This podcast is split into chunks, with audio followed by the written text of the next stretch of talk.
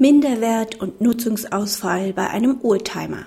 Nutzungsausfallentschädigung ist bei alten wie auch bei neuen Fahrzeugen nur zu zahlen, wenn dem Halter kein anderes Fahrzeug zur Verfügung steht und der Oldtimer als normales Verkehrs- und Beförderungsmittel genutzt wird.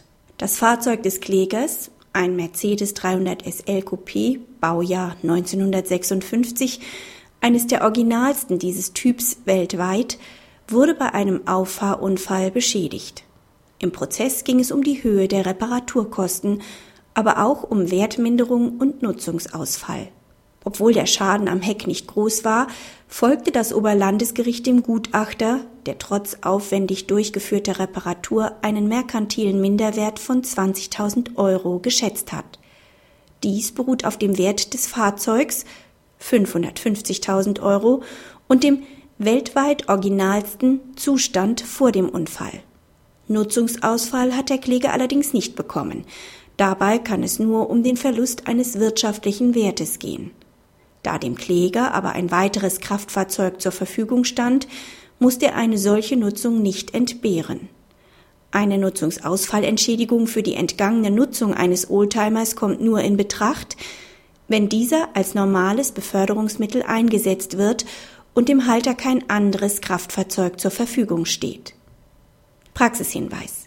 Die Entscheidung zum Nutzungsausfall ist richtig. Es geht nur um wirtschaftliche Nachteile. Die entgangene Freude, mit dem Oldtimer nicht fahren zu können, ist ein rein immaterieller Schaden, der dem unverletzten Kläger aber nicht im Rahmen einer Schmerzensgeldbemessung zu erstatten ist. Wie bei Wohnmobilen, Motorrädern usw. So kommt es auf den Verlust der Mobilität an. Dies war hier nicht der Fall.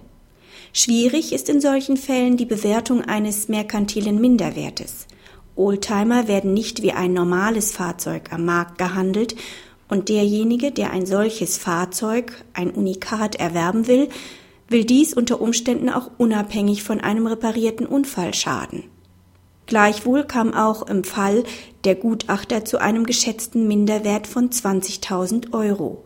Das Oberlandesgericht teilte diese Bewertung im Hinblick auf den hohen Wert des Fahrzeugs und die bisherige Unfallfreiheit